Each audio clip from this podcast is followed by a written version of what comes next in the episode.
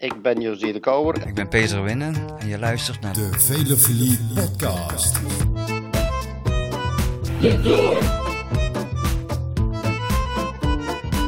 Oh la la.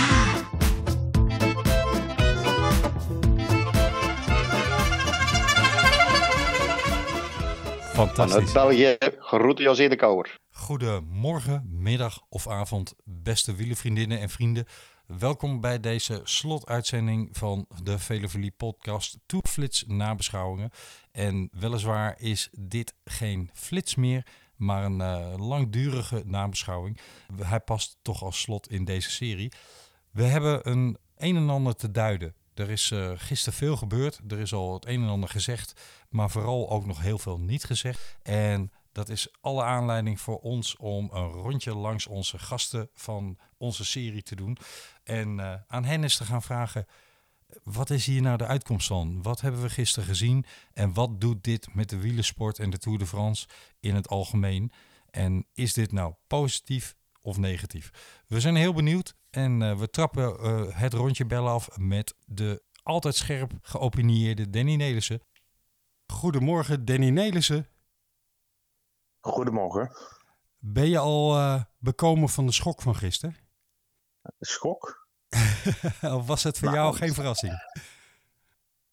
Nou, het was wel een verrassing, maar geen schok. Nee, absoluut niet. Nee? Wat Nee. vond, wat vond jij van de ontknoping gisteren in de tijdrit? Nou, dat is eigenlijk waar wielrennen om gaat. Hè. Ik heb eh, drie weken lang eh, achter eh, naar de gele trein gekeken die niets gestart is en over alle bergen heen ging en in de wind alles domineerde, alles kapot reed, alles vermorzelde. En dan komt het op man tegen man en dan in een tijdrit en dan, eh, ja, dan vechten de twee Slovenen het uit en dan is de een veel beter dan de ander, omdat de ander waarvan we allemaal dachten, inclusief ik, dat hij gewoon zou gaan winnen. Dat, dat was de logica. ehm, die dan gewoon een slechte dag heeft. Ja. En we hebben er al eerder op gewezen. Je zou maar drie weken achter je gele trein aanrijden en op de cruciale dag een, slachte- een slechte dag hebben. Ja. En het gebeurt. Wa- was het een... eh, ja, het was niet de beste tijdrit die Roglic ooit gereden heeft. Maar was die tijdrit ver onder zijn kunnen? Of was die van Pogacar gewoon heel, heel, heel extreem goed? Of allebei? Ik denk allebei. Ja. Allebei. Ik denk dat, dat, eh dat Roglic normaal gesproken in de tijd van, eh van, van Dumoulin moet, eh, moet zitten. Eh, als je ook kijkt naar de tijd van Poort. Dus zo, zo kijk, Poort die zit ook vlak achter, achter Dumoulin. Hè? Een wereldtijdrijder. Dus ook Poort heeft een fantastische tijdrit gereden. Dus het kan dus wel op die laatste dag. Ja. En dan, ja, en, en, en, en Pogacar ja, hij is boven zichzelf uitgestegen had een fantastische fietswissel. We hebben dat allemaal goed uitgedokterd, getraind. Heeft het parcours ochtends niet hoeven te verkennen, omdat hij dat al drie keer gedaan had, al eerder in het jaar. Ja. Hij heeft, eh, de fiets was uitgerust met een, eh, met een pion achter, eh, die begon met een 15. 15, 17, 19, 21 en dan zo met één tandje omhoog. Zodat hij altijd de juiste versnelling kon trappen. Nou, en als je dat doet, en als je dat allemaal voor elkaar hebt, dan wist je als team dat dat de cruciale etappe werd. En dat je voor geel ging vechten. ik, ik ben ehm buitengewoon blij voor zijn ploegleider eh Alan Piper. Want die heeft het heel zwaar gehad in, eh, in het leven. Klinkt wat pathetisch, maar eh, die heeft tot twee keer toe met kanker moeten, moeten knokken om te overleven. Sympathieke mens, zeggen ze dan in België. En ja, die pakt hier toch de overwinning van zijn leven, zeg maar. Dus dat vind ik geweldig. Ik ben natuurlijk ook blij voor, voor. Ehm, maar even goed ik denk dat de voorbereiding die Pocaccia gedaan heeft, eh, ja, die, die zal toch in professioneel niveau niet afsteken tegen wat ze bij Jumbo-Visma hebben gedaan. Is het dan echt een kwestie van, ja, bezweken onder de druk? Eh, ja, dat denk ik wel. Ehm, het hele gedoe rondom Marijn Zeeman. Ja. De fiets die gecontroleerd werd door de UCI. Ja. Eh, de eerste Sloveen die de Tour wel even ging winnen. Eh, drie weken lang heeft, hebben renners als Wout van Aert met enorme druk in België. Maar waarom doet Wout van Aert dit allemaal voor een Sloveen? Hè? Waarom gaat hij niet voor zijn eigen overwinningen? Eh, Tom Dumoulin die zich opoffert. Kruiswijk die thuis moet blijven vanwege een schouderblessure van de volgende Dauphiné. Alles kwam op die jongen terecht. Alles op die dag. Ja. En op een gegeven moment, in het begin dacht ik echt, hè, van, oh, hij houdt zich een beetje in. Want ik ga dadelijk op die klim, gaat hij bam, en dan rijdt hij alles kapot. En toen kwam er de camera naast toe rijden. Het draait niet. Nee. Het gaat niet. Nee. En, eh, en toen begon bij mij iets te leven. Oh, en, maar hoe goed is Pogacar dan, weet je wel? Hè? Ja, dan ging je naar Pogacar met de camera en dan zag je die, die krachtige pedaalslagen. En dan denk je van, die vent gaat gewoon winnen. Ja. Dat kan bijna niet. Ja, eh, dat kan dus wel. Is het ehm, een prestatie waar jij vraagtekens bij hebt? Of zeg je nee, dit is gewoon prachtige sport in, in de ultieme vorm eh, waar we van moeten genieten? Als we eh, vraagtekens hebben bij Pogacar, dan zouden we ook vraagtekens kunnen stellen bij eh, heel wat andere renners die daar in de top rijden. Het is, Dus eh, eh, vergeet niet dat Pogacar eh, uit, een, uit, een, uit een categorie wielrenners komt, zeg maar, waar ook een Evenepoel rijdt. Die toch gewoon echt dingen heeft laten zien, zeg maar, hier en daar. die, waarvan ook wij allemaal roepen van, joh, dat heb ik de laatste jaren niet meer gezien. Nee. Zijn stunt in de ronde van Polen. ja, maar dat zijn wel de jongens uit die categorie. Ja. En dat zijn dan, ja, dat zijn, die hebben wel tegen elkaar gestreden altijd. Pogacar wint nou de Tour. Maar als Evenepoel niet valt, gaat Evenepoel misschien wel de Giro winnen. Dat, dat, we zullen het nooit weten, maar dat, was wel, eh, dat, was, dat lag wel een van de verwachting. ik, eh, ik heb gisteren een zeer ontmoedigde ehm, Wout van Aert gezien en een zeer ontmoedigde Tom Dumoulin. Maar ik denk Ja. dat, Tom hier wel absoluut hoop uit kan, eh, kan koesteren. Want zijn tijdrit was weer dik, dik, dik in orde. En ehm, die is gegroeid deze Tour. Die, eh, die lijkt klaar voor de rest van het seizoen. Ja, zeker. zeker. Kijk maar eh, wat je dus ook ziet. kijk, we, we dachten allemaal dat je niet erger kon verliezen als team zoals Kruiswijk deed in de Giro. Ja. Het kan dus nog erger. Dus dat team moet dit echt verwerken. Die hebben dus drie weken lang ja, hun kloten afgedraaid voor een tweede plek. Pogacar had een fantastische ploeg voor zich rijden. Die waren in het geel-zwart gehuld. En eh, werd nog een beetje ondersteund. En ik heb ook nog wel hier en daar een vraag gesteld van... eh, als jij als, als nummer 4, nummer 5 altijd in het wiel zit van die jongens die zo vreselijk hard door die Pyreneeën, door dat Centraal Massief, door die Alpen ge- gereden hebben, dat kost toch energie. Ja. En, eh en Pogacar zat dan toch wat meer daarachter, wat meer in de bubbel, zeg maar, wat meer beschermd van de wind. Eh, op Col de la Loze eh, denk ik dat, eh, dat, eh, toch Roglic, eh, die ook altijd zei van ja, 57 seconden is toch, hè, dus de, de voorsprong die ik heb, dat is toch, eh, toch wat moeilijk. dus ik ga toch nog aanvallen.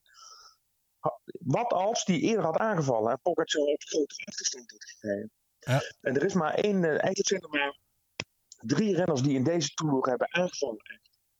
En dat is Pogacar, hè, want eh, hij heeft een aantal keren aangevallen. Zeker. Ehm, het is Landa die zich daarmee helemaal eh, kapot gereden heeft. En, ehm, en wat mij betreft is Roglic dan ook nog eentje, maar die, maar die deed het altijd zo vlak voor de finish. Ja. En ja, weet je, en, en, en er wordt een beetje. eh, Het, ja, het is, het is ja, jammer, maar het is het mooie aan deze sport. Het wordt dan afgestraft op die, op die individuele tijdrit. Ja, ik, eh, ik, ik, ben heel, berekenend fietsen. ik ben heel benieuwd hoe, eh hoe Roglic hiermee eh, gaat dealen. Ehm, ik las vanmorgen al een bericht dat hij zei... ik heb wel degelijk even lopen huilen... maar nu is het alweer tijd om nieuwe doelen te gaan stellen. Ik vraag me af of hij dat over een week nog steeds zo voelt... want dit zal best wel een hele tijd nadreunen. Aan de andere kant lijkt het een ja, nuchtere jongen... zo van de buitenkant bezien... die dit misschien inderdaad ook wel vrij snel weer van zich af kan werpen. Ja, dit is sport. Je, je behoort eh, te kunnen verliezen. En eh, kijk, als jij constant in je verlies blijft zitten, dan kun je deze sport niet beoefenen. Want je verliest meer wedstrijden dan dat je ooit zal winnen. Ja, precies. Hè, dat is nou gewoon eenmaal het gegeven. Hè. Dus het is geen voetbal of tennis. Hè. Dus eh, waarin je toch echt gewoon veel meer wint dan, dan, je, dan je verliest. Tenminste, als je in een goed team zit. Ehm, nou ja, ik denk dat, dat, dat er wat meevalt. Ik denk dat het veel meer zit, dat verlies, dat dat veel meer zit bij de staf, bij de hoofdcoach, bij Marijn Zeeman. Ja, die, die liep met zijn ziel onder de arm weg op die, ja. op die lange rechte weg daar en, in de Forgezen. En ja, dat was ja, de, de tranen in zijn ogen, weet je. Dus ja, ik denk dat het bij dat soort mensen het besef moet zijn dat je heel veel kan doen. Heel veel kan plannen, heel veel kan uitrekenen. Heel veel, hè, dus uh, uh, Agu gaf een persbericht uit: wij hebben het snelste tijdritpak van de wereld. Daar reageerde Tom, uh, Tom Stamsnijder op, die aan de andere kant bij Sunweb en bij DSM zit. Um, die zegt: ja, maar dat, dat is nogal een claim. Waarop ik reageerde op Twitter. Ik zeg: ja, maar je moet wel nog altijd de benen hebben om die claim te kunnen ver, uh, vervullen. Klopt. En dan zegt uh, Tom, die zei erop, je moet blijven trappen. Ja, en wat gebeurt er? Je, ja, kijk, hij, nu heeft Roglic niet dat snelle pak aangehad. Maar uh, met een minder snel pak, wat in de claim werd gezegd. Hè, dus als die logica doortrekken. Ja. Een jongen in de witte trui.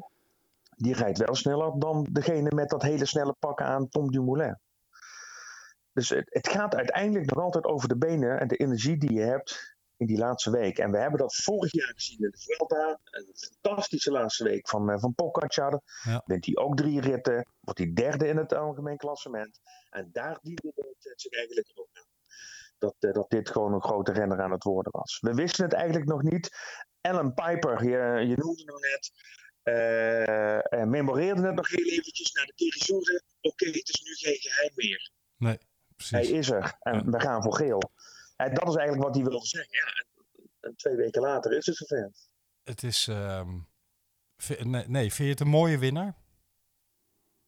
Ja, wat ik al zeg, hij is de enige die koers gemaakt heeft ongeveer. Hè? Hij is de enige ja. die aangevallen heeft. Hij is de enige die. Uh, hij is degene met, uh, met snelle beklimming op de Marie Blanc. Hij is de, dus, uh, op de payroll. Op, ja, hè? Dus hij is de man die, ja, ze zeggen wel zonder ploeg, maar daar ben ik niet helemaal mee eens. Want dan had toch wel uh, Delle Kroes nog bij zich en Polaan had hij nog bij zich. Hè. Dus je hoeft eigenlijk niet zo heel veel te doen om die renner in die koers te, te ondersteunen. Hij was natuurlijk Aru al heel snel kwijt, een. Ja. Hè, dus dat, dat is wel waar. Maar ze hebben het gewoon heel slim gespeeld en geprofiteerd. Want wielrennen is natuurlijk ook een sport van profiteren in het wiel zitten. Hè? Eerst en toeslaan op de momenten. Ja, precies.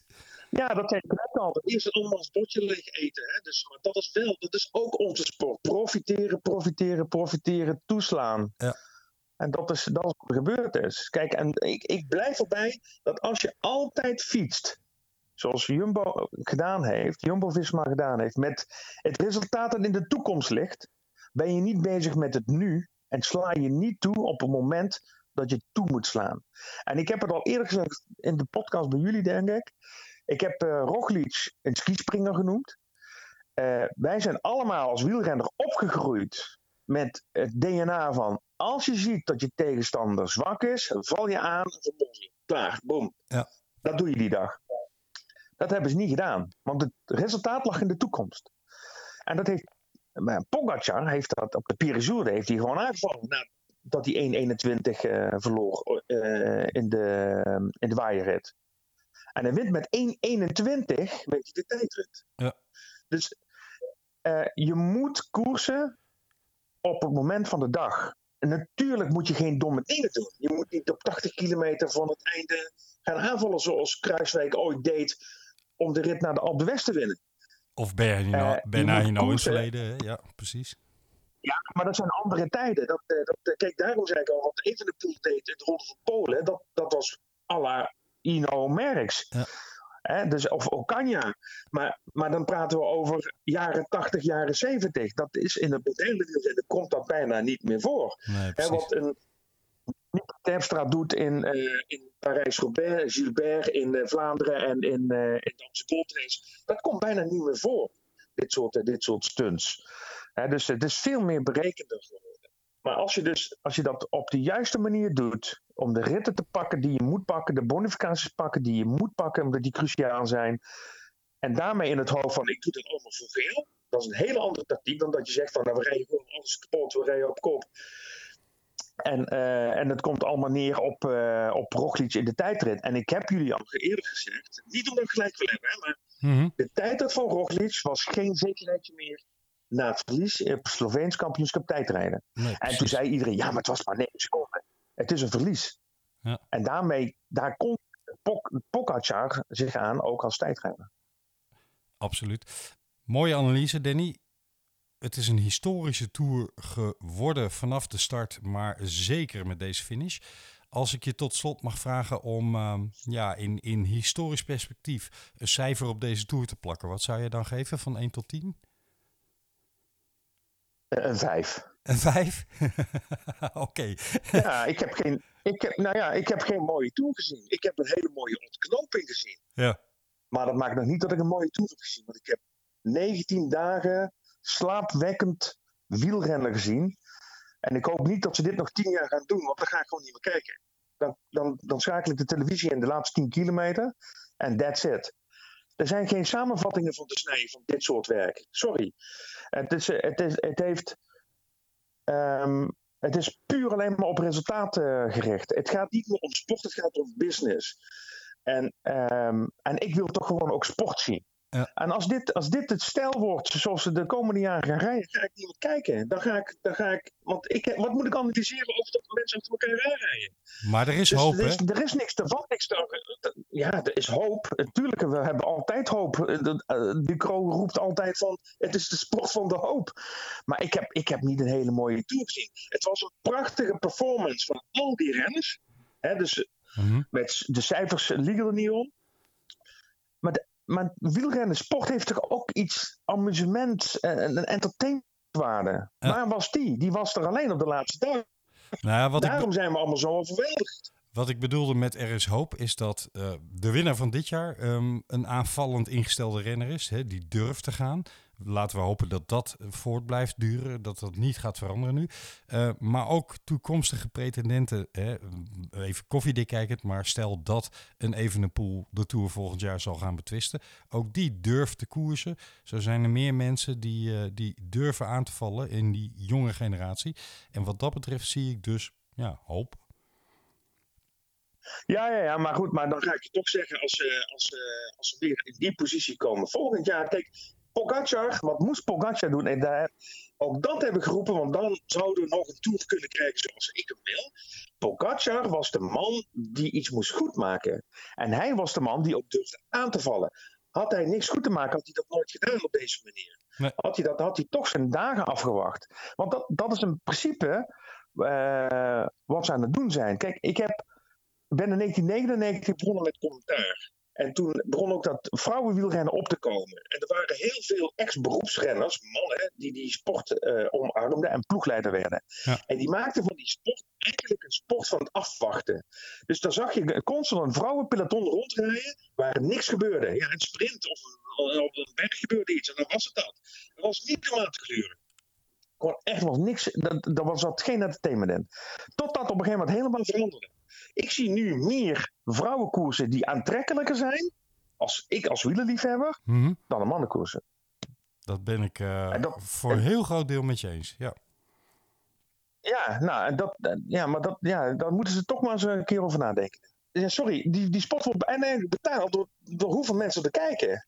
En als het op een gegeven moment zo saai wordt, dan gaan mensen gewoon niet meer kijken. Maar die komen ook niet zo snel terug. En dat moet je wel in je achterhoofd houden. Ja, absoluut. Maar goed, het is opportunisme ten top. Dus, uh, er, zijn, want, uh, er zijn een hoop lessen te leren uit, uit deze tour.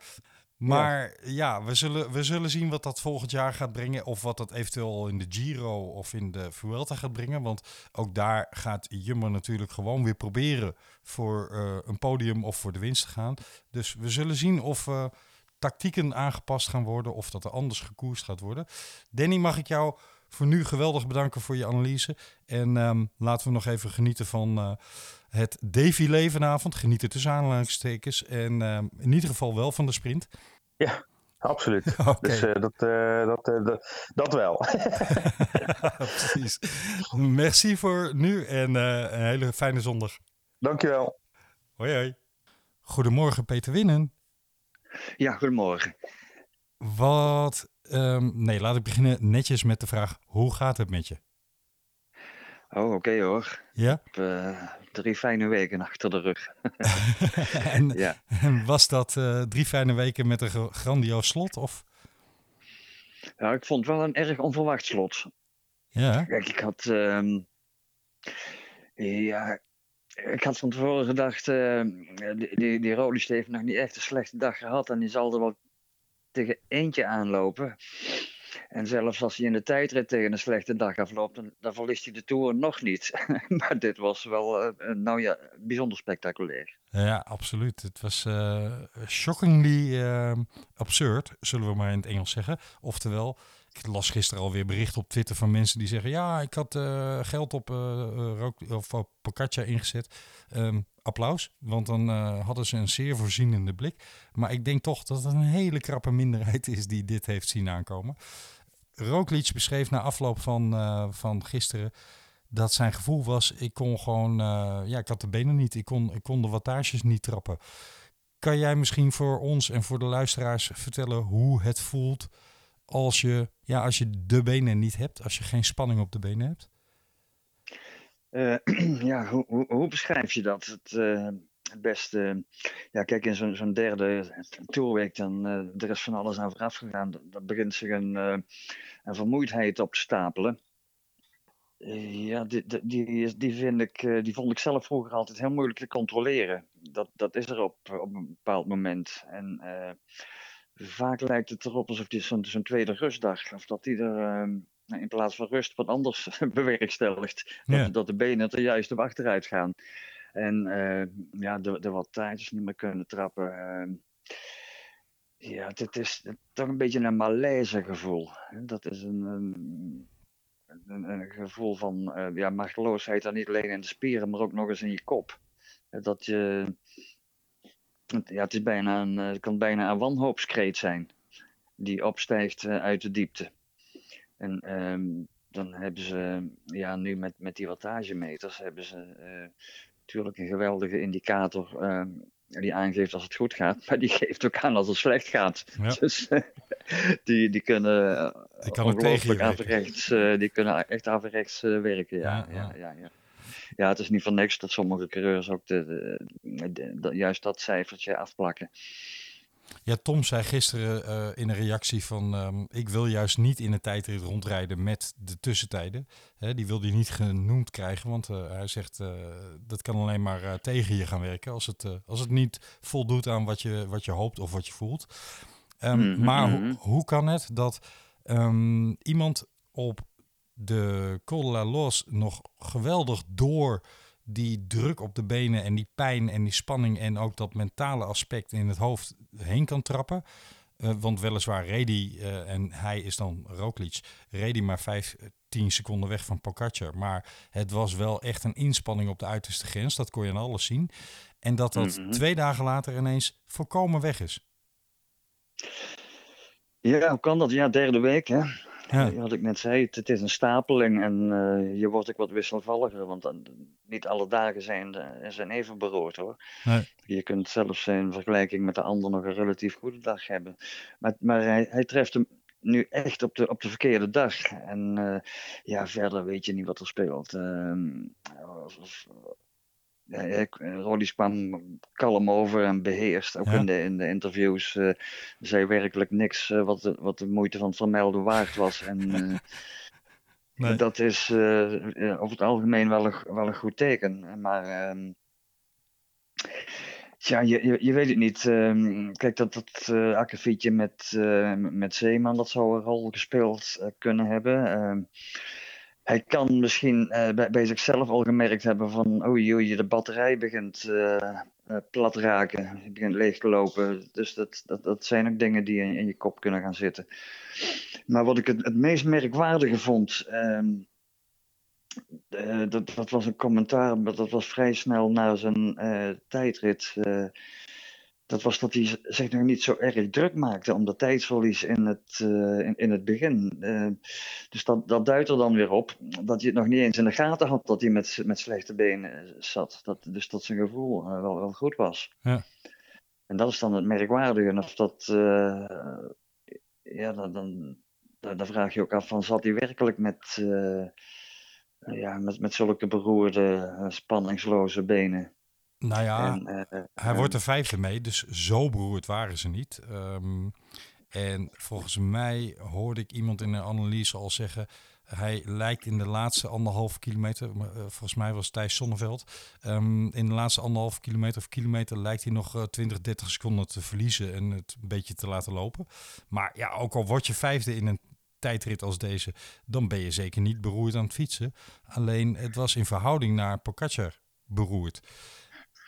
Ja, maar ook wel in verhouding tot, zich, tot hemzelf. Hè? Ja. Want hij is uh, werkelijk een fenomeen op de tijdrit. En uh, ja, ja, hij, hij vond zijn draai niet. Hij vond zijn draai niet. Uh, hij, ja, dit, dit was zijn slechte dag. En die, die treft hij op een uh, ja, ontzettend slecht moment. Ja. Op het moment dat, ja, dat, het, dat, dat het er werkelijk om gaat. En het, het, het lijkt er ook, ook echt op dat hij ehm, dacht genoeg te hebben aan die uh, ja, 59 seconden was het geloof ik. Ja. Voor de tijdrit. Die, die, die, die voorsprong, daar had hij wel, wel vertrouwen in.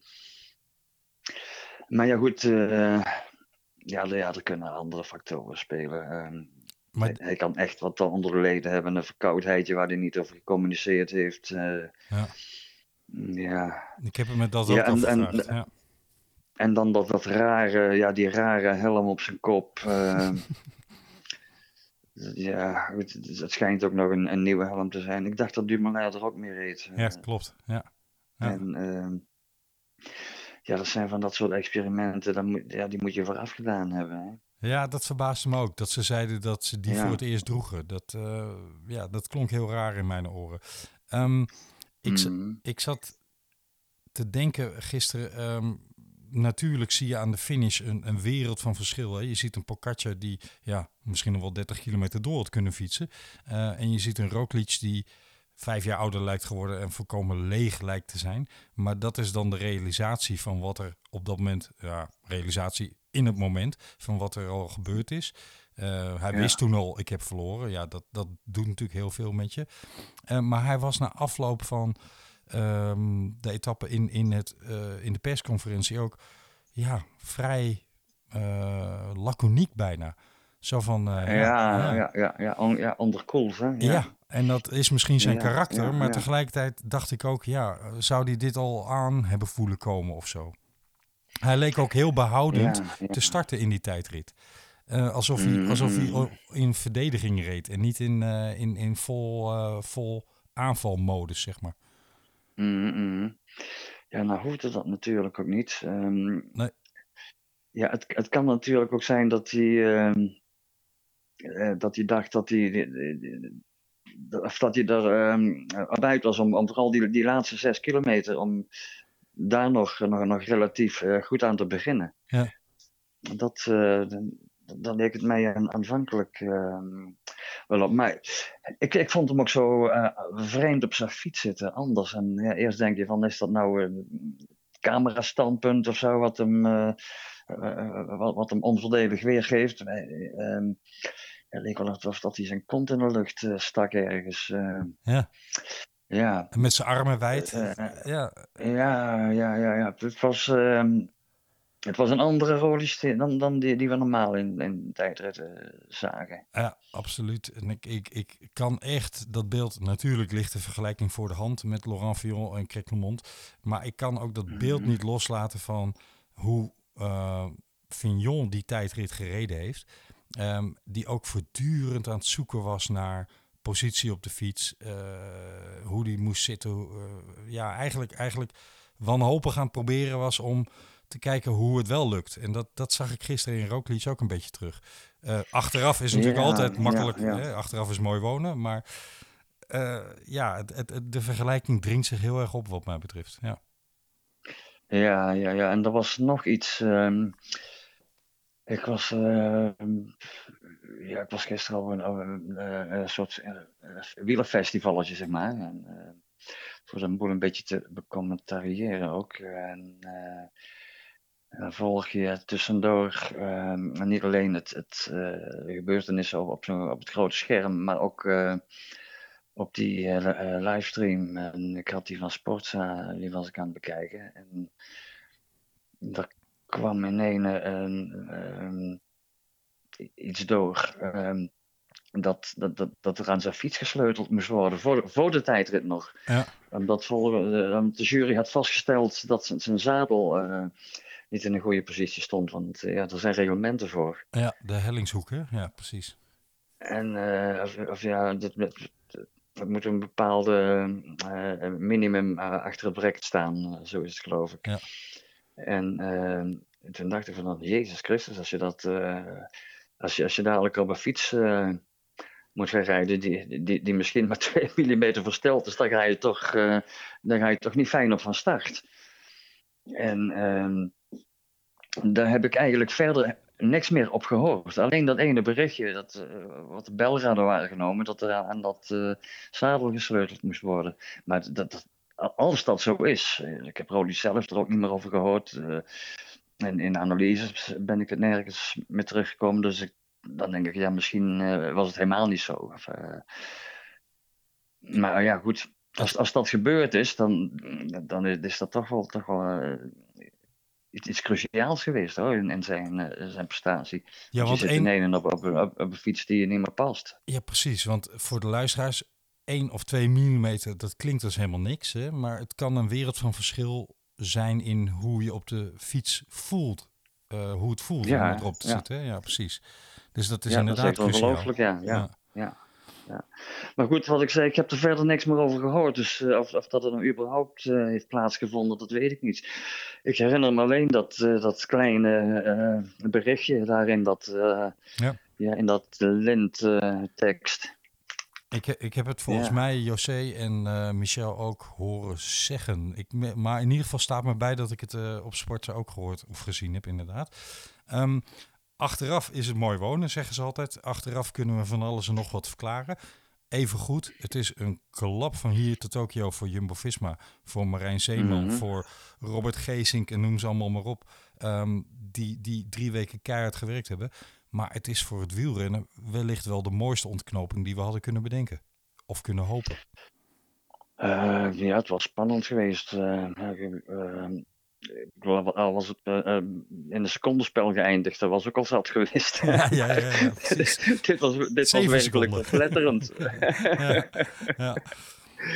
Ja, die dreun die, die, eh, die, die zal ontzettend hard aankomen, of aangekomen zijn. En ja, wat moet je ervan zeggen verder? Hè? Ehm, je, je rijdt met zo'n overmacht, met zo'n sterke ploeg, breed. Hè?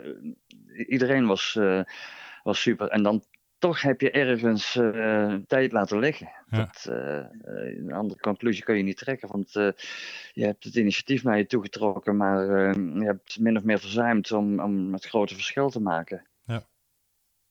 We zullen Dat, achteraf, dat- ja, we zullen ja. achteraf horen of dat een, een, een kwestie was van ehm, kunnen of willen.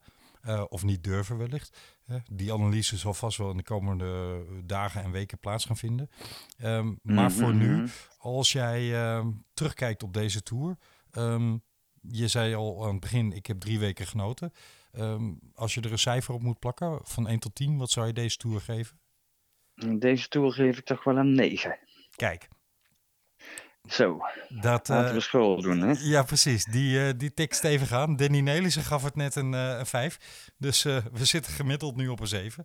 Ehm, Gaf, gaf die maar een 5. Oei, ja, oei, oei. ja, ja, ja, die, eh, die zegt... Dat ik, vind ik wel, wel somber. ja, ik, ik, ik, ik voel voor allebei wat. Ik vond het een prachtige tour in de zin van jonge coureurs die durven aan te vallen. Ehm, en tegelijkertijd was het ook een, een tour ja, die, die twee gezichten had waarvan je elke dag dacht...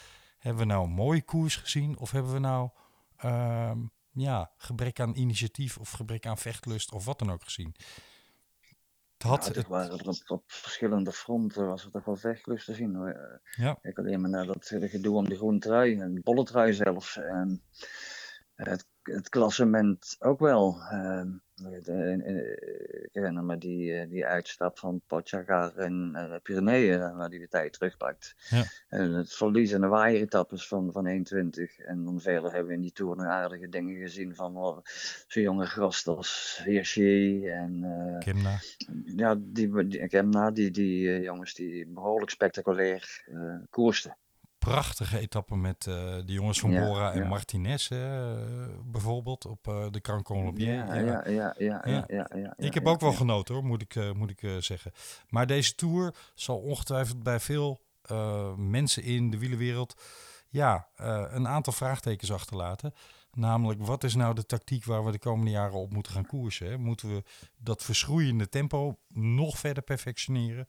Of is het toch een kwestie van de last man standing? Uh, en, en gaat het helemaal niet zozeer om uh, die trein en uh, ja, is het, is het berekenend of is het uh, durven? Ik denk dat die vraag de komende tijd boven de markt hangt. Ja, ja, ja, goed. Het zal altijd wel, wel wat uh, rekenen blijven. Pogacar die heeft ook gerekend hoor, reken maar. Ja. Dat die, uh, die, die heeft, ja, in, in principe heeft Jumbo-Visma voor hem gereden. Hè? Ja, ja. Ze hebben hem Dus gelanceerd. eh, Um, ja, nee, ja, zeker heeft hij gerekend. ja. Laat dat maar aan zijn ploegleider Mhm. Ellen Piper over. Die, die moet je overigens nog, uh, nog goed kennen. Um, Oh ja, die ken ik zeker goed, ja. Ja, uh, voor hem fantastisch hè, wat er nu gebeurt. ja hij heeft zelf een ontzettend moeilijke periode achter de rug. Ja, Eh, precies. Maar hij, het, is, het is echt een, een gepassioneerd wielmens. En, en zo ken ik hem van vroeger ook. En hij was ook wel een van die renners... Um, uh, waar ik echt lange gesprekken mee kan voeren hoor, in een peloton. En ook toen hij, ja, toen hij mijn ploegmaat was. Ja, En nou, hij had een, een vrij brede interesse, moet ik zeggen. het, uh, ik ken hem niet, maar zoals ik hem in de media zie, lijkt hem inderdaad een prachtmens uh, met een ongelooflijk groot wielenhart. Um, dus ja, het zij hem absoluut gegund. Het waren Marijn Zeeman ook gegund, zeker. En de hele ploeg, Richard Plugge en noem maar op. Maar uh, ja, dit, dit gunnen we natuurlijk... Uh, Ellen Piper zeker. Um, dankjewel Peter voor sfeer, voor uh, jouw, uh, jouw analyse. Um, geniet nog even van het ceremonieel op de slotdag. We zijn heel benieuwd naar jouw column van morgen in de Volkskrant. En heel veel succes met het schrijven daarvan. En we hopen je, Ja, dank je. we hopen je binnenkort weer te spreken. Ja, oké. Okay. Doen we zo. Merci hè. Een fijne zondag. We gaan aan het werk zelf. Ja, precies. Succes. Hoi, Doei, dag. Goedemorgen, Gio Lippens. Ja, goedemorgen. Welkom in uh, de uitzending. Uh, ja, we zijn, uh, of we, ik ben nog steeds enigszins flabbergasted over ja, wat, voor, uh, wat voor ontknoping we gisteren gekregen hebben. Hoe briljant en schitterend ook in vele aspecten. Uh, ja, dit moet uh, voor, voor iedereen toch wel een verrassing zijn geweest. Hoe was dat voor jou? Ja, een enorme verrassing. Ik was gisteren, ik ben mijn hok ingegaan om commentaar te geven met het idee, ja, Roglic die, die houdt die gele trui en ja, we gaan de eerste Nederlandse ploeg weer hebben sinds 40 jaar met een gele trui. Ja, ja gaandeweg die, die tijdrit viel ik steeds meer van mijn stoel. En, en, en, en was ik stom verbaasd over wat ik heb gezien. En, en ik moet eerlijk zeggen dat ik na afloop ook eigenlijk nauwelijks een idee had van hoe kan dat nou? Ik had het idee, Roglic heeft heel slecht gereden. Ja. Maar toch, als je dan de tijden weer eens een keer bekijkt, normaal gesproken als Pogacar niet zo onvoorstelbaar goed had gereden, ja, dan had Roglic gewoon die gele trui behouden. Ja. want dan had hij toch gewoon in die top 5 van het klassement uh, uh, van de tijdrit gestaan. En dan had hij ja, hooguit misschien een paar tientallen secondes verloren links en rechts. Maar, uh, maar met dit enorme verschil, uh, als je nagaat dat er iets op de nummer 2, op Dumoulin, die toch echt een hele goede tijdrit reed, dat hij 1.22 uh, pakt. Ja, dat, dat, dat is echt. dus achteraf zeg ik, Roglic, of Pogacar heeft gewoon een onvoorstelbaar goede tijdrit gereden. En, en, en ja, heeft daarmee zelf de Tour op de kop gezet. Dus Roglic kan zich gaan afvragen, wat heb ik allemaal fout gedaan? Maar eerlijk gezegd denk ik toch dat we het moeten zoeken bij Pogacar die het uh, gewoon fantastisch goed heeft gedaan. En voor, ja, wat mij betreft, een van de meest bizarre ommekeren in de sportgeschiedenis uh, heeft gezorgd. Echt hè? En, en het frappante is dat hij een dag of twee geleden zelf ook zoiets heeft gezegd van, nou, nou ja, het is gebeurd hè, naar Koldeloos. Ja. Um, was Daar dat, brak hij ook, hè? Was misschien achteraf een rookgordijn, hè? Dat uh, een psychologische... Nou, aan. Ja? Daar twijfel ik aan. Nee, het is wat dat betreft ook maar een mens. En, en, en ook nog een jong mens. Hè. Hij, hij wordt, maandag wordt hij 22. Ja. Um, hij brak gewoon echt hij, in die achtervolging op Roglic. Want hij wilde er echt wel bij komen. Maar uh, ja, je merkte gewoon op een gegeven moment op dat hele steile stukje... dat, dat hij ja, in één keer weer een achterstand had uh, die veel groter was dan het moment waarop hij eigenlijk leek aan te sluiten bij Roglic toen. Ja. Dus nee, ik geloof niet in een rookgordijn hoor. Ik denk dat het echt puur ja, dat het niet gespeeld is wat daar gebeurt. Ik zag een, uh, een opname van, uh, uit de ploegwagen van uh, Ellen Piper. En ehm, die waren al tijdens de rit van uh, Pogacar bezig. Die hadden natuurlijk de overzichten hè, van de tijden.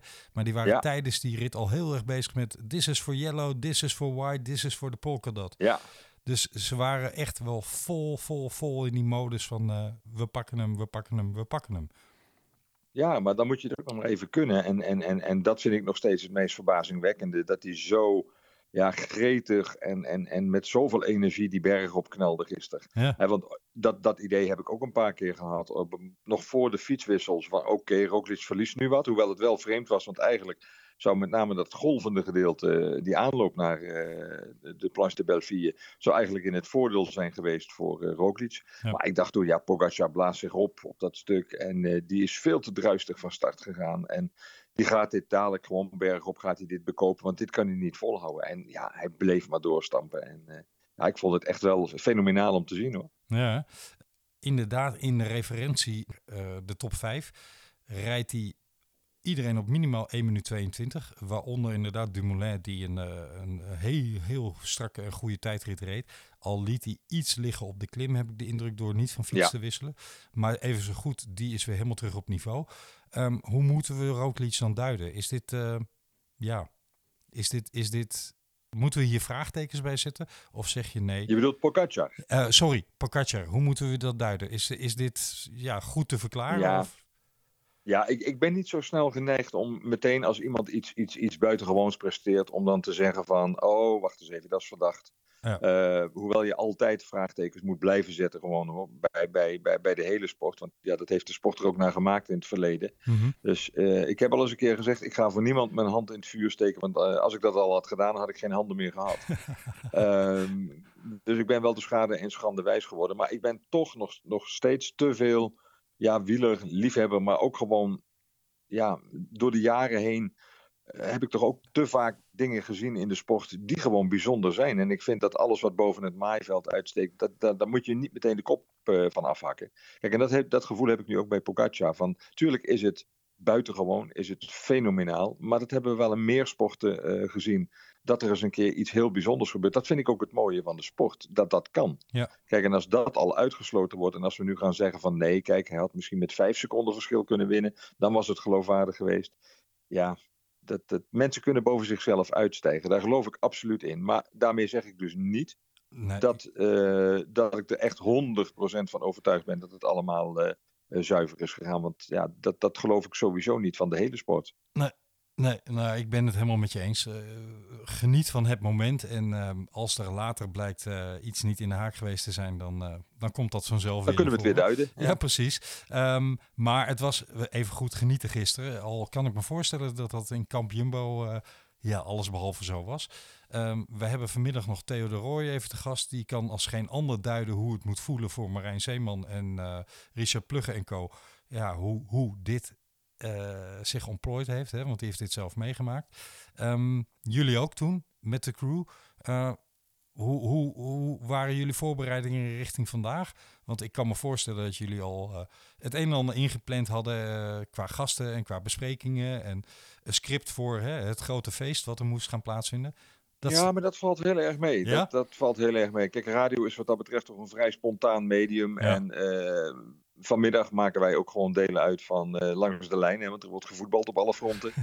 Eh, dus dus, dus ja, die hele uitzending natuurlijk zou er heel veel aandacht aan de Tour worden besteed. Want vanaf vier uur, hè, als de etappe begon, dan was het weer vol radio Tour de France. Ja. Maar ja, we verslaan op dat moment gewoon alles wat er gebeurt. En, en, en dus ja, die schakeling van vreugde, bij wijze van spreken, we gaan leuke verhalen halen bij eh, Jumbo-Visma.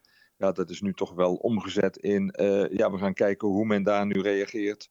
En, en, en, en, en wat er omheen allemaal gebeurt. Dus, dus nee, dat, dat, is, dat, dat is ook journalistiek, hè? En radiojournalistiek. Gewoon heel snel schakelen en dan gewoon, ja, eh, van, van, van het ene uiterste naar het andere uiterste gaan. Ja, precies. En dat is ook het mooie van deze ontknoping. Dat het die twee elementen heeft. Hè? Het, het, het bizarre eraan en het uh, volkomen zwart-wit ja. zijnde. Ja, dat, uh, dat maakt emoties los. Het valt niet te scripten, om nee, het zo maar te zeggen. Precies, precies.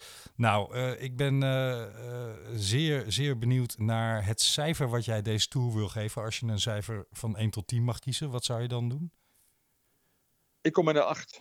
Kijk, dan hebben we een 5 van Danny Nelissen, een 9 van Peter Winnen en een 8 van jou. Dan uh, zitten we toch ja. op een 7, nog wat uh, inmiddels. Uh, gaat de goede kant op. Ja. ja. Zeker, want ik vond het een hele leuke tour. Want, want, want ik kan me zo voorstellen, hè, Danny zal wel gezegd hebben, het is allemaal veel te voorspelbaar geweest. Maar als ik gewoon kijk, ik ken Danny een beetje. Maar als ik gewoon kijk naar hoeveel aanvallers er in deze tour etappes hebben gewonnen. Ik denk aan Hirschi, ik denk aan Krak Andersen, ik denk aan Martinez. Nou, noem, noem ze allemaal maar op. Ja. Dat vond ik het mooie van deze tour. Dat gewoon iedere dag uh, toch onvoorspelbaar was. En natuurlijk die strijd om de gele trui. Ja, die was vrij uh, uh, strak in het keurslijf geperst. Maar ook dat vond ik gewoon bijzonder om te zien. Zeker omdat dat een Nederlandse ploeg was.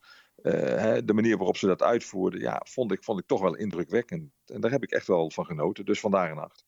Ik uh, had het genoegen gisteren met Maarten Tjalingi uh, meteen na afloop van de etappe het een en ander uh, te mogen duiden. Althans, hij deed de duiding en ik mocht er naar luisteren. Wat heerlijk was. Hij zei, pas maar op hoor, die Roglic die komt nog terug. Het is een hele leergierige, intelligente jongen. En dit is een enorme klap, maar hier komt hij wel overheen. Daar ben ik van overtuigd. Hetzelfde als vorig jaar. Vorig jaar verloor hij de Giro, won hij de Vuelta. Ja. Nou, nu, nu verloor hij de Tour. Hij, het kan zijn dat hij volgend jaar terugkomt en dan uh, de fouten niet meer maakt die er nu gemaakt zijn. Precies. Um, ik kijk uit naar de rest van het seizoen, want we hebben een Tom Dumoulin die weer uh, op punt staat, zoals ze in België zeggen. Ja, absoluut. Ja. Nee, die gaat uh, volgende week op het WK gaat hij mooie dingen laten zien. En in, de, in de Vuelta, hoop ik. Ik hoop het ook. Gio, ontzettend gefeliciteerd met jullie uh, uh, jubileum radiotour en met de prachtige serie die jullie weer gemaakt hebben. Ik heb als luisteraar enorm genoten en uh, blijf zo voortdoen, zou José de Kouwer zeggen. Gaan we zeker doen. Dankjewel. Merci. Fijne zondag. Ja hoor, dank je. Hoi hoi. Groetjes dan. Goedemiddag Bert Wagendorp. Welkom in de uitzending van Vele podcast. Dankjewel. Goedemiddag. Fijn dat je een, een bijdrage wil, wil doen. Wat een, een bizarre slotdag, althans één na laatste dag, hebben we gisteren gezien. Hoe is, is het bij jou al geland? Uh, nou, dus, ja, het landde eigenlijk meteen wel. Ja. Ik, zat hier, ik zit in Parijs. Ik zat uh, gisteren naar tv te kijken. En uh, ja, de Tour die, die, die, kantelde. En die kantelde wat mij betreft ook in de zin van, van de waardering voor, voor het hele spektakel. Ja. In positieve zin bedoel je, denk ik? In positieve zin, ja. ja. Kijk, zo'n uh, zo'n finale wil, wil natuurlijk elk sportevenement wel. Waarin alle, alle verwachtingen en, uh, en aannames uh, op, hun, op hun rug worden gelegd en worden, worden, worden vermoord, zeg maar. Ja, absoluut. Het is buitengewoon aantrekkelijk voor de sport in zijn geheel. Niet voor Jumbo-Visma. Heb jij toevallig nog nee. mensen uit dat kamp gesproken al sinds gisteren eind van de middag? Ja, nee, misschien vanmiddag als ik even ga kijken naar de aankomst. Maar uh, nee, ik heb niet gesproken. Ik heb ze niet gesproken. Maar ja, ik heb, ik heb uh, uh, zojuist een, een, column zitten schrijven voor mijn tijdschrift De Muur. En ja, daar, die gaat vooral over domineren en controleren. Ja. Ik denk dat, dat, dat Jumbo, dat ze bij Jumbo-Visma zich toch een beetje hebben vergist in, in, die, in die termen. Ze hebben eigenlijk vanaf het allereerste begin geprobeerd om, uh, om die wedstrijd te domineren. Ook toen ze nog niet eens de gele trui hadden. En ook reden, ze reden toen al rond alsof ze maar aan het controleren waren.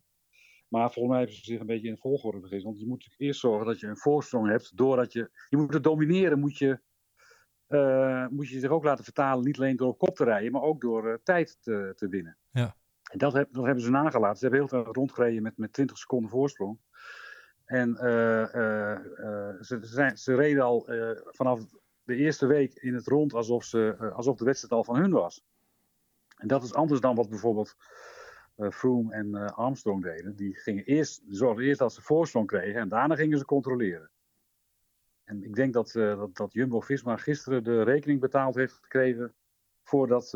ja, ik heb bijvoorbeeld niet één aanval gezien. Ik heb niet één keer gezien dat in dit geval Pogacar, uh, buiten de laatste twee, drie kilometer van een etappe, door, door Jumbo-Visma werd uitgedaagd.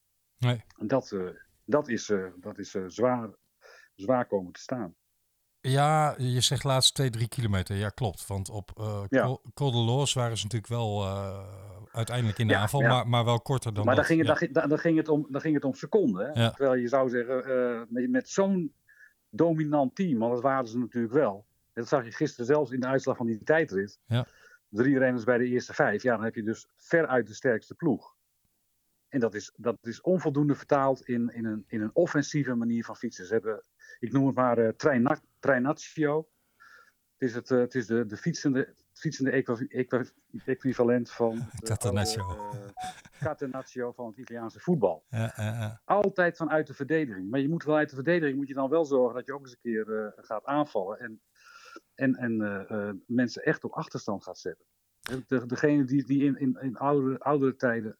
Zelfs Armstrong verdedigde vanuit de aanval. Dat deed Hino, dat deed, dat deed de, de oude Merks. Ze, ze, ze, ze, ze fietsen verdedigen, maar wel na, vanuit de aanval. En dat hebben ze gewoon nagelaten. Ze hebben een, eh, drie weken lang met hun gele trein eh, eh, door het Franse land gereden.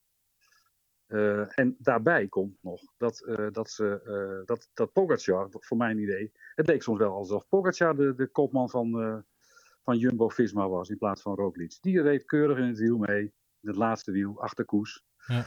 En er kwam, geen, kwam geen, eigenlijk geen seconde in de problemen. Behalve een keer in een etappe met, eh, met, eh, met het paradien verkeerd stond. Heeft, heeft Jumbo Nee, dat- te netjes gereden, vind je? In dat nou, opzicht? niet te netjes. Nee, niet te netjes. Niet, eh, nee, ze hebben juist ze hebben te weinig initiatief getoond. Ja.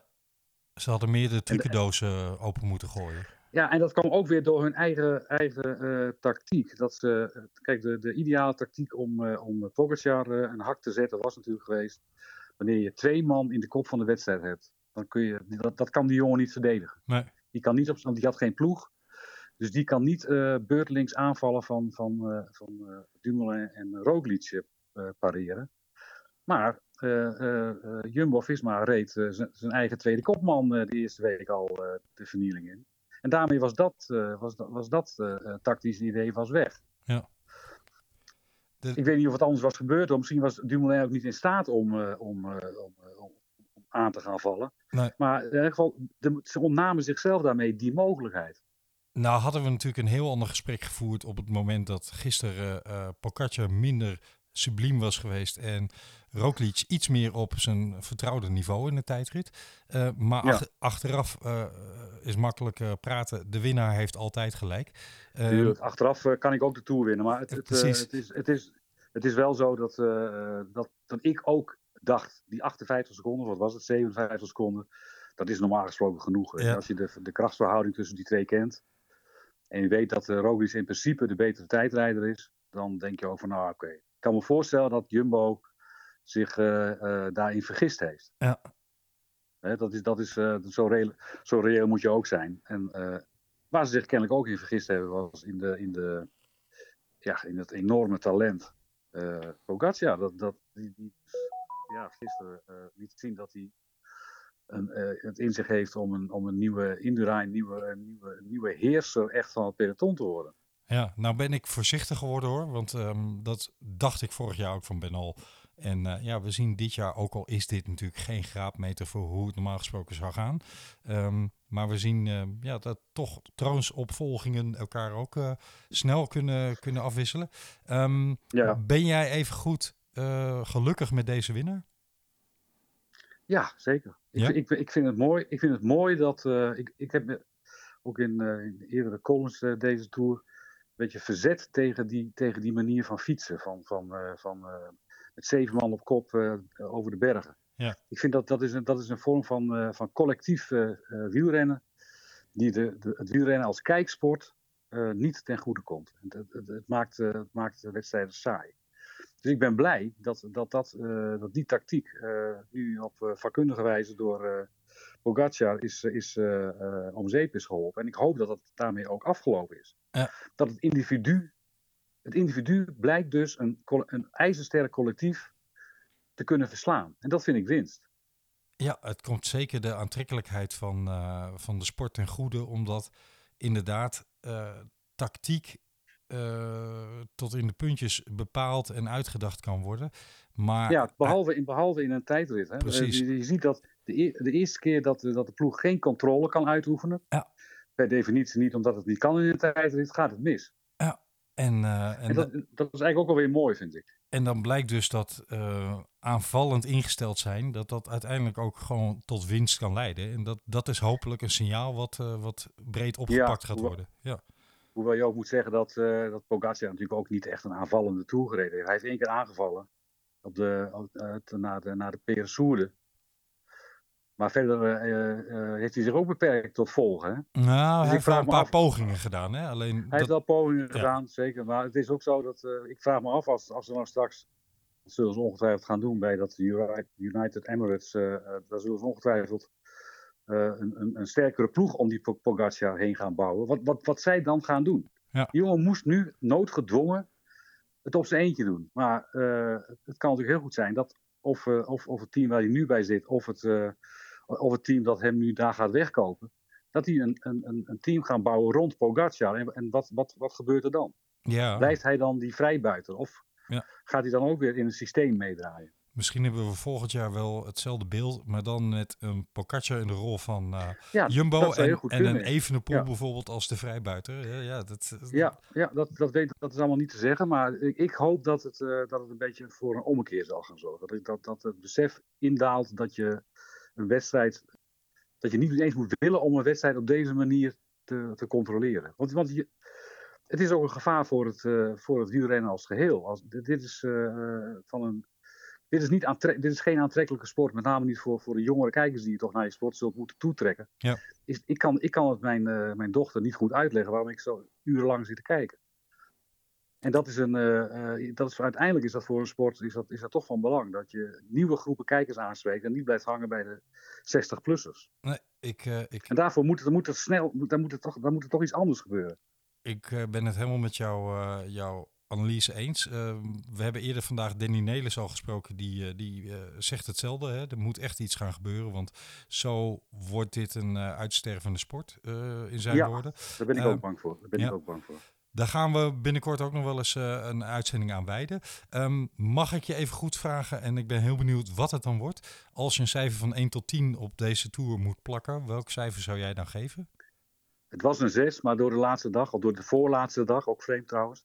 Uh, door de voorlaatste dag uh, til ik hem omhoog naar een 8. Kijk, nou dan hebben we een 5 van Danny Nelissen. En uh, je kan raden waarom. Um, we hebben een 9 van Peter Winnen. En we hebben een 8 van Gio Lippens. En we hebben een 8 van jou. Nou, komen we toch op een aardig gemiddelde.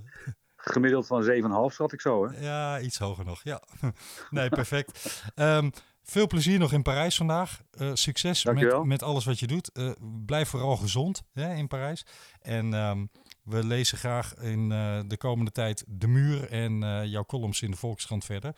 Dus dank voor een mooie verslaggeving van de Tour. En jullie veel succes met je podcast. Merci en tot oh. snel hopelijk. Oké. Okay. Hoi hoi. Jo, doeg. Goedemiddag Bobby Traxel. Welkom in de uitzending. Goedemiddag. Fijn dat je even voor ons uh, tijd wil maken. Um, want ik kan me voorstellen dat ook jij druk bezig bent met ja, de voorbereiding van jullie uitzendingen en alles wat je, wat je daar uh, in te berden moet brengen. Ja, nou kijk, een uh, normale uitzending is net iets meer voorbereiding dan de laatste uitzending uh, van de Tour de France. Want uh, we weten toch een klein beetje hoe dat gaat met de champagne-reeks op het begin. Het parcours is niet heel erg uitdagend. Natuurlijk wel een hele mooie locatie waar we zijn. En gelukkig kunnen we in deze coronatijd ook finishen op de plek waar we de Tour moeten finishen. Ja, toch. Maar dat ja. is een... ja, het is, een, het, is een, het is een wat makkelijker, want ja, het parcours hoef je al niet te gaan bestuderen en allemaal dat soort zaken. Dus uh, vandaar eigenlijk iets makkelijker dan een normale, een normale dag. Ben jij inmiddels al uh, helemaal geland voor wat betreft de gebeurtenis van gisteren?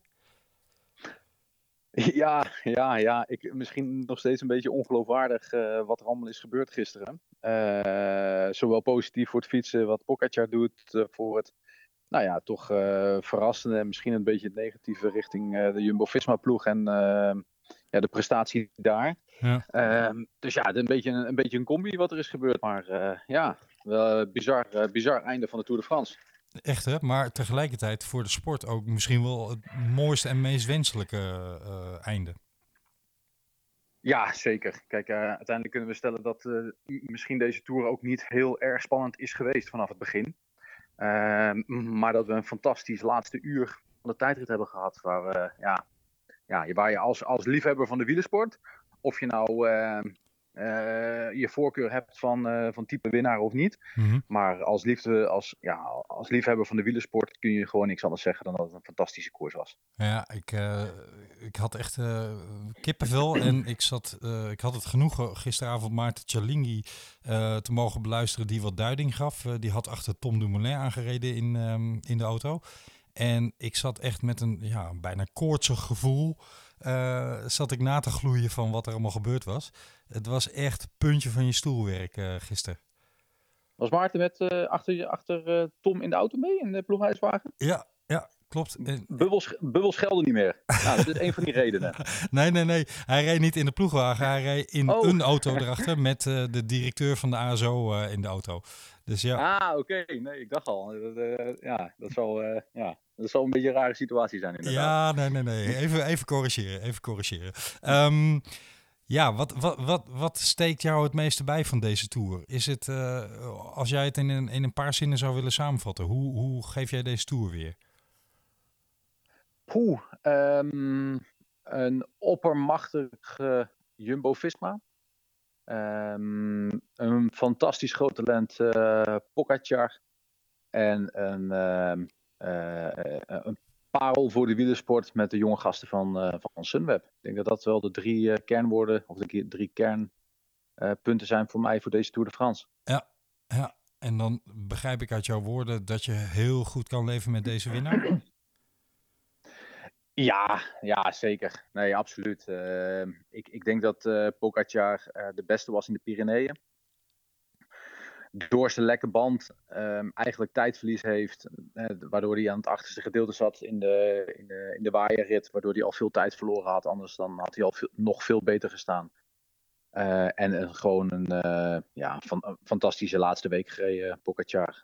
als jij drie ritten wint, dan ehm, ben, je, ben je de beste van, van de Tour. En daarmee de verdiende winnaar. Dat lijkt wel echt zijn wapen, hè? want dat deed hij in de Vuelta vorig jaar ook. Ja. Had hij nog wel een ja. off-day ertussen, maar ook toen was hij in die derde week ongelooflijk sterk uh, bezig en durfde die ook.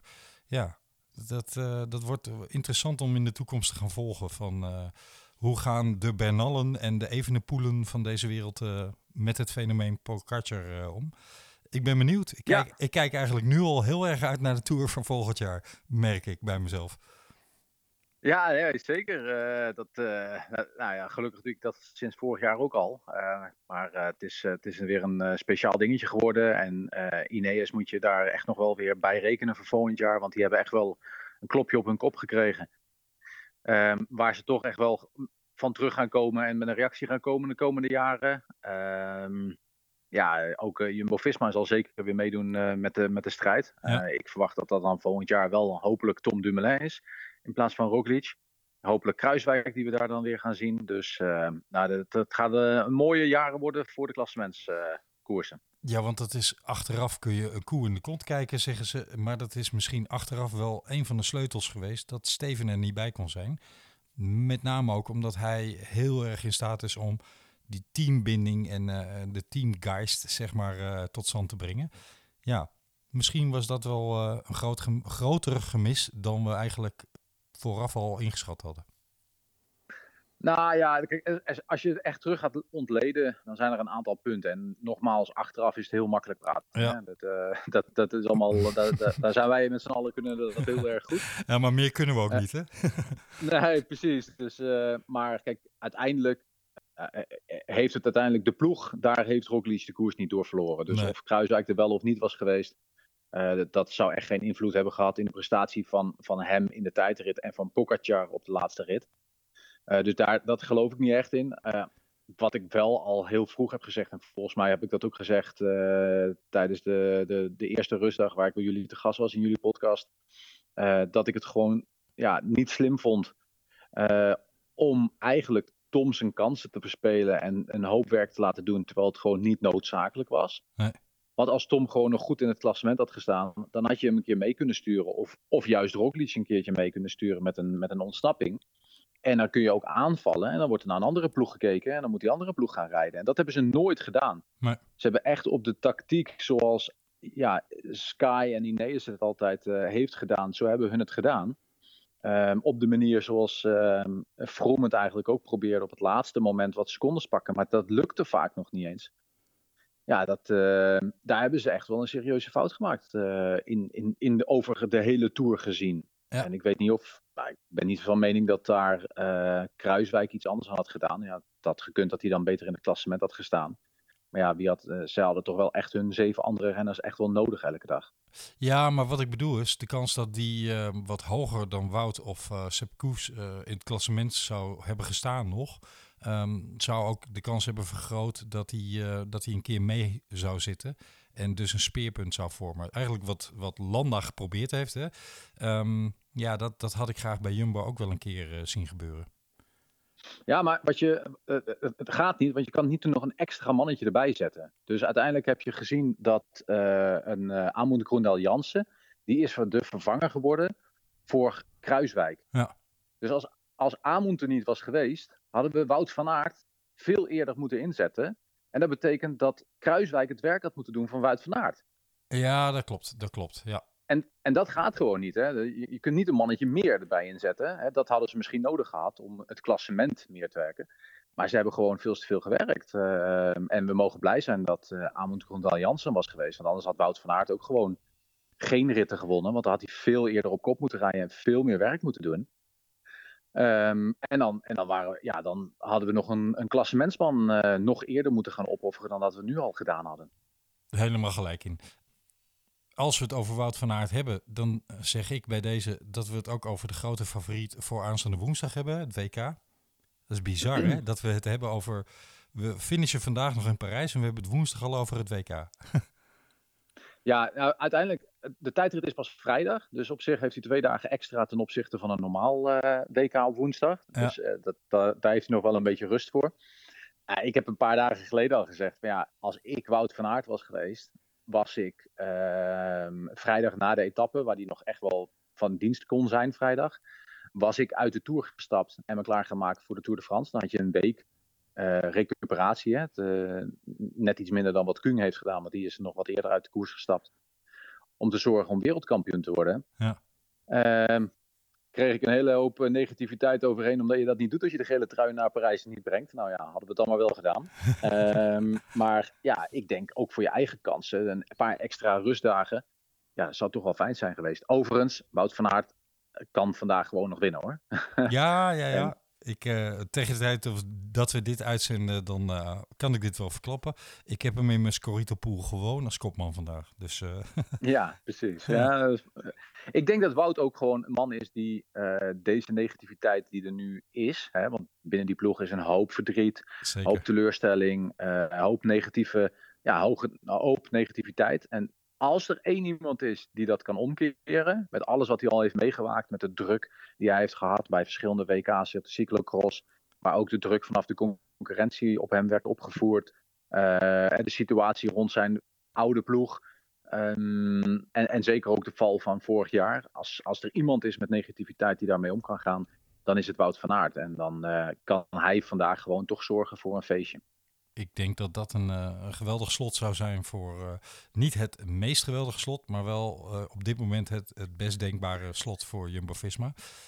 Super. Zou ik je tot slot, Bobby, mogen vragen, als je toch een cijfer op deze tour moet plakken, van 1 tot 10, wat zou je dan geven? Um, nou ja, ik vond, poeh, dat is eigenlijk best wel lastig. Ik vond het niet de meest indrukwekkende tour tot gisteren. Mm -hmm.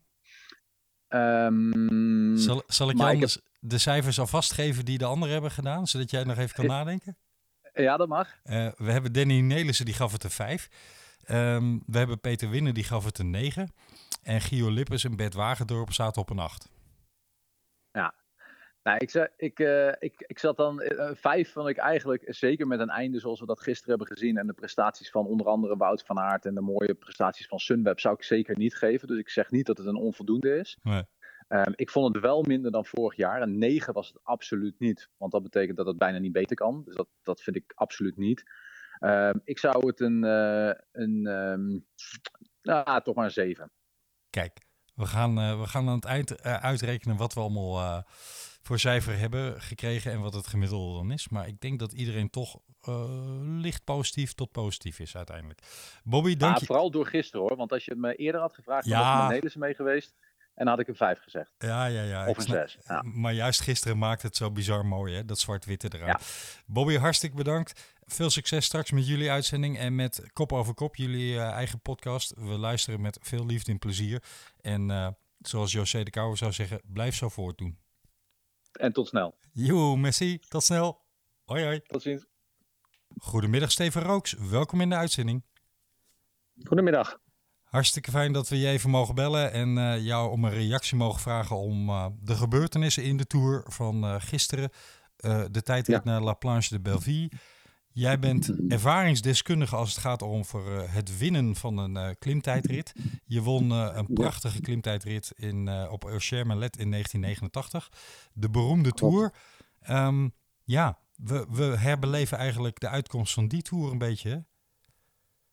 Ja, nou, bijna wel. Hè, zou je kunnen zeggen. De laatste dag was toen de, de afsluitende tijd. En het verschil was toen ook uh, uh, bijna hetzelfde. Hè, 50 seconden nu om 57 seconden. Dus uh, wat dat betreft zou je verwachten, ook toen, dat dat zeker met de mensen die het verschil hadden gemaakt, ook nog een hele goede tijd het in de benen hebben. Ja. En ja, daardoor toch niet het heeft ook met spanning te maken, enerzijds mentaal. De druk, denk ik. En, ja, het goede gevoel proberen te creëren. En uh, ja, dat uh, in de tijd met Vignon Le Mans was, denk ik, dat een opzetstuurtje wat Le Mans toen heeft gebruikt als eerste, daarmee voor de dag kwam.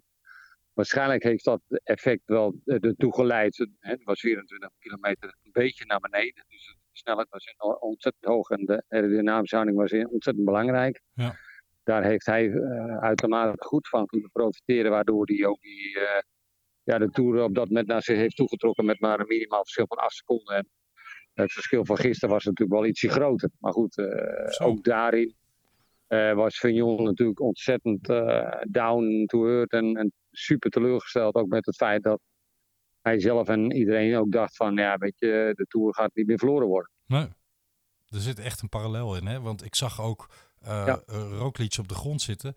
En het deed me ongelooflijk mm. aan die beelden van Vignon, die ook zo op de grond zat. En helemaal verdwaasd en uh, even de weg kwijt. Uh, ja, al moet ik zeggen dat Roglic later in de persconferentie alweer heel nuchter en, en ja, bijna zakelijk overkwam. hij, zei, mm. hij zei erin, ik kon niet leveren wat ik, wat ik had moeten trappen aan wattage. Ja, kun jij dat gevoel beschrijven? Nou ja, je bent natuurlijk uh, gefocust op de laatste tijd. En uh, ook met het feit dat je al, uh, ik meen, twaalf dagen in de gele trui rijdt. Ja. De ploeg continu voor jou aan het werk is, ook al vanaf dag één.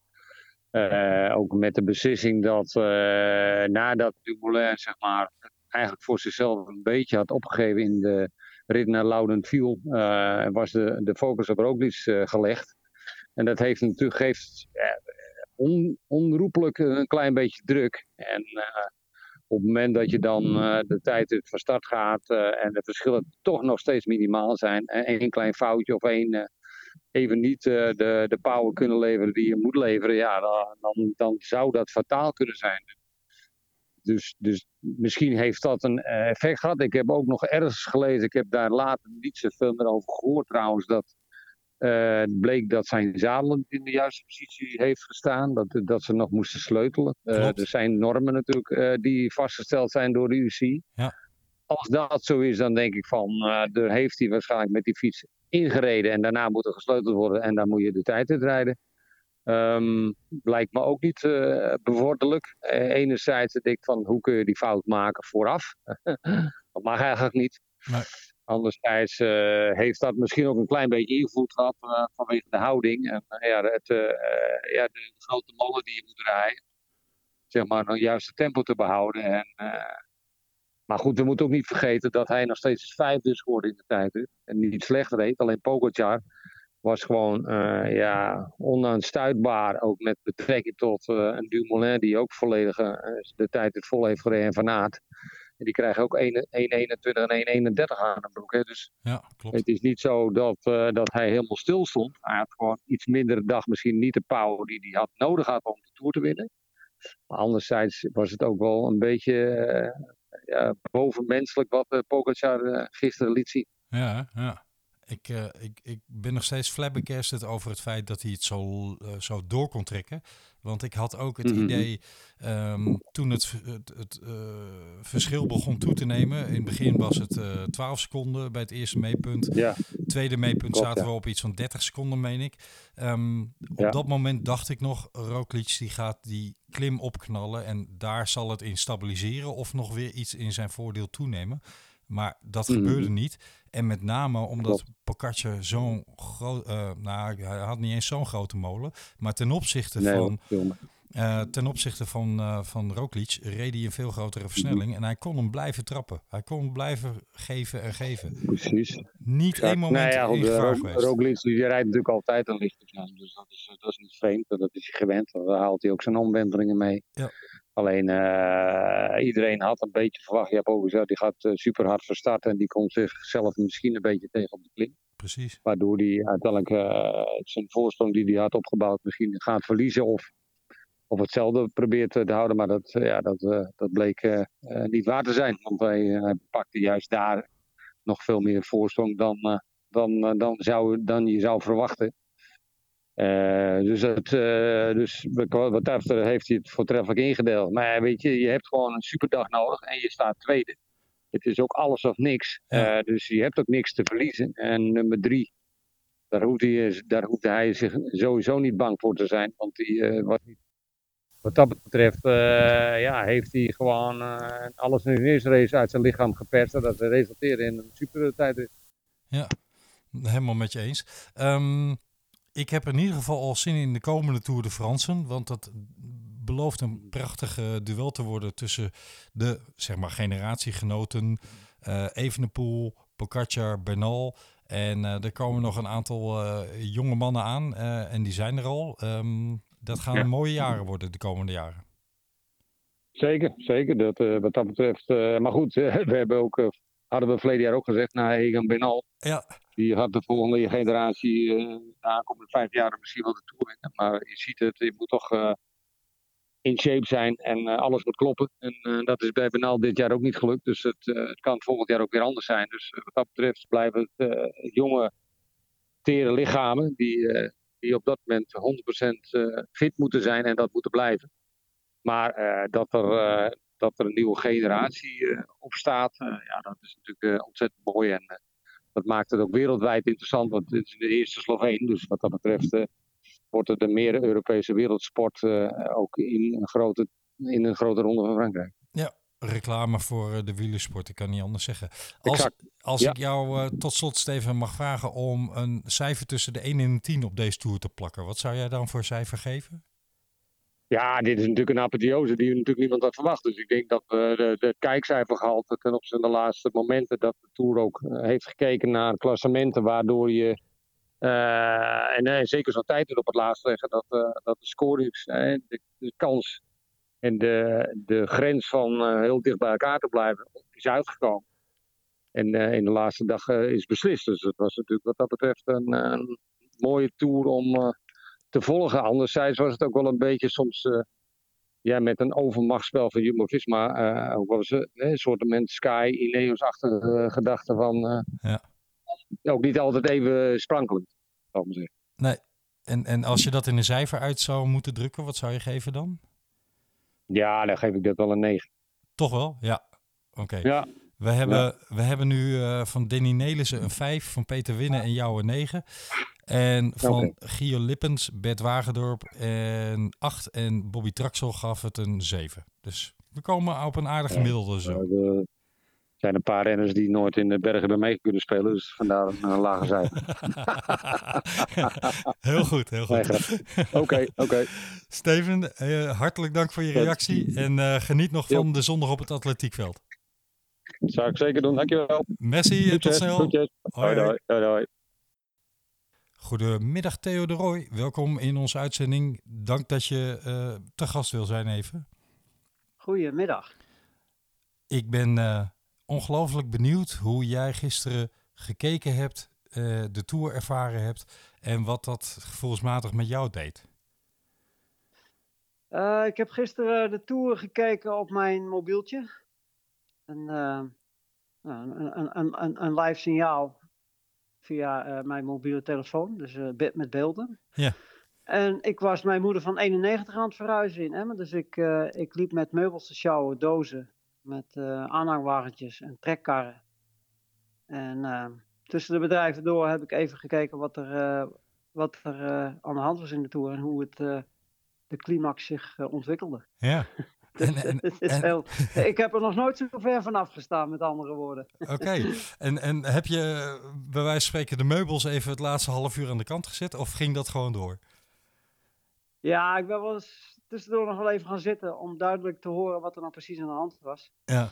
En ik was ook wel heel nieuwsgierig om uh, het commentaar te horen van uh, Ducro en, um, en Joris van den Berg. Zo van, wat, wat gaan die hier nu over zeggen? Uh, ja, Maarten viel en, stil. En natuurlijk, en, ja, en natuurlijk de beelden die, die spraken voor zich. Ja. Um, en uh, ja, en hoe je het ook draait of verkeerd, op het moment dat zulke dingen gebeuren, of eigenlijk altijd als ik naar de tour zit te kijken, dan verplaats je je naar die wereld waarin zich dat dan afspeelt, omdat je het uiteindelijk ook al ja, zo'n 25 keer beleefd hebt. En dan ben je eigenlijk weer helemaal terug in het verleden. Uh, en, en het, het heden is niet veel anders dan het verleden. Nee. En, en dat blijkt ook wel. De geschiedenis herhaalt zich. Ja, de, de geschiedenis herhaalt zich. Want het, het maakt eens te meer duidelijk dat, dat wielrennen een, een, een genadeloos, meedogenloos mooie sport is. Uh, waarin winst en verlies zo dicht bij elkaar liggen. En uh, waarin het verschil tussen winnen en verliezen zo groot is en ook zo klein. Uh, ja, dat is gewoon zo fascinerend.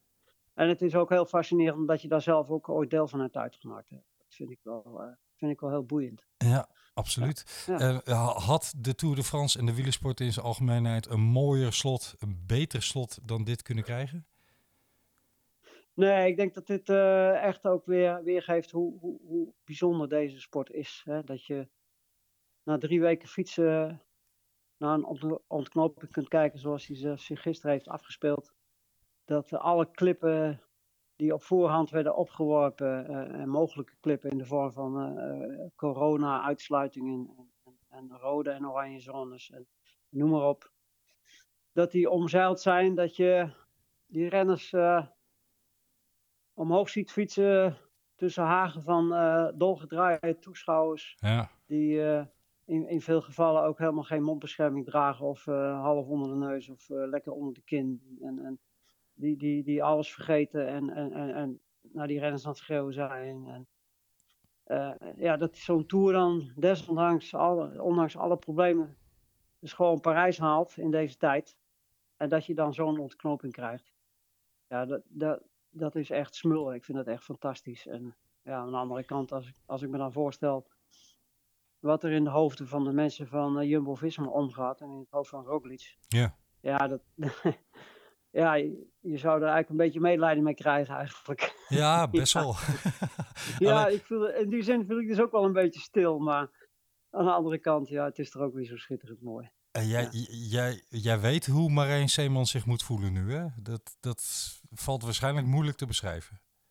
Alleen, voor hem zal uh, volgende week en, en, en de weken en de maanden daarna en de jaren daarna het allemaal wel weer doorgaan. Voor mij hield het, ja. hield het 13 jaar geleden gewoon op. Ik trok een week later gewoon zelf de stekker eruit. Dus, uh, ja. Maar goed, dat, dat, dat, dat, de, de, de impact van die gebeurtenissen van, van gisteren en van toen, die, die is niet helemaal te vergelijken. Aan de andere kant ook weer wel. Hè. Uh, ja, die tour is, uh, zoals ik al zei, genadeloos en, en, en, en vermorzelt mensen en renners en ook mensen eromheen. En maakt ook hele grote helden van mensen en renners ja. in de tour. En uh, ja, dat is altijd zo geweest en dat zal altijd zo blijven. Dat... Zonder hele grote helden, uh, zonder grote verliezers kun je nooit grote helden hebben. Dus nee, precies. Die, die metaforen in de tour komen die allemaal samen. Het is uh, wat dat betreft um, met het slot, hè, want er, is uh, veel kritiek uh, geuit de afgelopen dagen. ondanks dat het leek af te stevenen op een winst, maar op, op de tactiek die Jumbo-Visma toegepast heeft. maar er is met dit slot ja, in ieder geval een ongelooflijk zwart-wit einde. En dat, dat maakt het vaak dramatisch en daarom ook heel Ja. erg mooi. Vond jij het reclame voor de wielersport?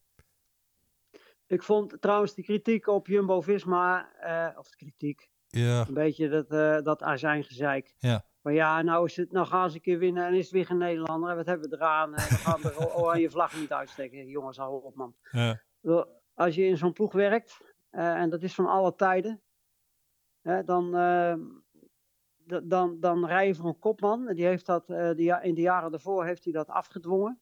En dat zijn doorgaans zijn dat, eh, zijn dat natuurlijk hele bijzondere eh, sportmensen. En, en daar ga je dan gewoon voor met zo'n ploeg. En of die nou eh, uit, uit Zuid-Afrika, de Noordpool, Azië of, of weet ik veel waar vandaan komt, dat maakt eigenlijk helemaal niet uit.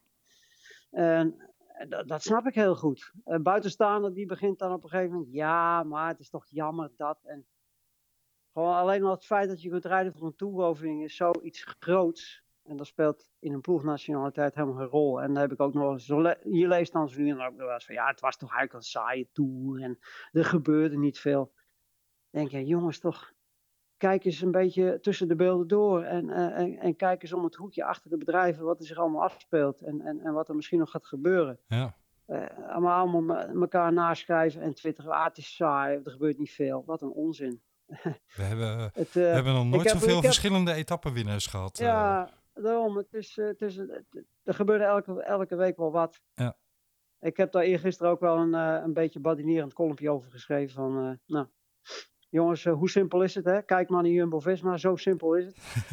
maar daarmee heb ik tegelijkertijd wel aangeven dat het dus helemaal niet simpel is. Nee, precies. Want, want, want Johan Bruineel heeft met Lance Armstrong zeven keer de Tour gewonnen.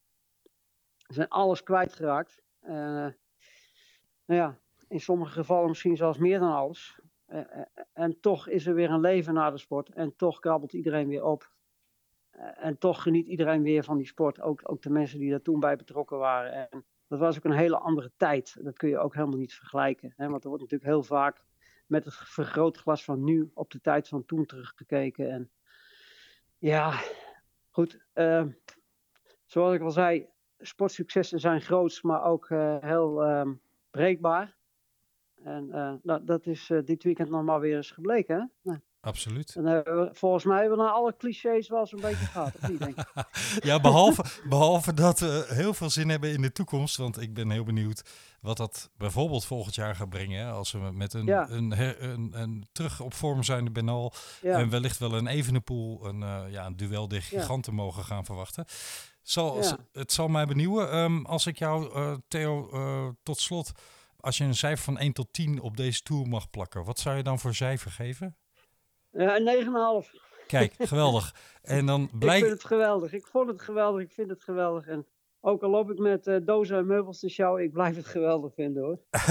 Nou, dan zit je heel dicht bij jouw vroegere kamergenoot Peter Winnen, want die gaf het een 9. Ehm, dus, Ja. dus wat dat betreft eh, eh, hartstikke goed. Veel succes Ja. met de verhuizing. Overigens, Joop Soetemelk is iets onfortuinlijker, lees ik een kwartier geleden. Want die is, Ik in ja. die is aangereden en heeft schijnbaar armen en een been gebroken. Dus daar zit even Goh. doosje sjouwen er niet in. We wensen Joop vanuit hier even ongelooflijk veel Ja. beterschap en herstel. Van harte. Ja, en dat hij, eh, dat hij maar zo snel mogelijk eh, gezond weer terug mag eh, zijn. Ja. Ehm, zo zie je maar weer, het leven is en blijft een Breekbaar. fragiel, ja, bereikbaar iets. Ja. Ja. Ja. nou, Theo, dankjewel voor je mooie ik reactie. ga even eh, Succes met verhuizen. bij mijn schoonmoeder. Kijk. Nee, nee, ik ga vanmiddag gras maaien bij mijn schoonmoeder. Ik heb gisteren mijn moeder verhuisd. En, eh, ja. Nou, we zijn blij. Ondertussen zet ik mijn telefoontje wel weer aan. Dan geloof ik dat ze over de Champs-Élysées heen rijden. Ja, precies, precies. Dankjewel voor je mooie reactie Ja. en eh, Nou, blijf die mooie column schrijven. Dank, hetzelfde. Jo, dank je. Hoi, hoi. Hoi. Tot zover deze nabeschouwing op de Tour de France wat betreft onze gasten. We zijn eh, jullie allen heel dankbaar voor jullie bijdrage. We hebben deze serie alleen maar kunnen maken dankzij het feit dat we jullie mochten spreken. Het was een genoegen en een genot om naar jullie te luisteren. Jullie scherpe meningen, jullie humor en jullie kijk op het wielrennen te ervaren. Hopelijk hebben de luisteraars hier ook van genoten. Wij hebben in ieder geval vanuit het team van Velevelie ongelooflijk veel energie, liefde en passie gestoken in het maken hiervan. Hopelijk hebben jullie dat gehoord. Zo ja, dan zouden we het zeer waarderen als jullie daar een blijk van waardering van geven. Dat kan je doen op www.vriendvandeshow.nl www.vriendvandeshow.nl slash Velevolie En uh, we zijn heel benieuwd naar jullie reacties over uh, onze serie Velevolie Tour Flits nabeschouwingen. Mirko, Schrijvershof, Don Kaspers, geweldig dank voor jullie bijdrages. Ik heb het heel graag gedaan en uh, we kijken uit naar de komende koersen. Het WK, de Giro, de Vuelta en alle klassiekers. Er staat ons nog heel veel moois te wachten. En oh jongens, wat wordt dit een mooi seizoen. Tot snel!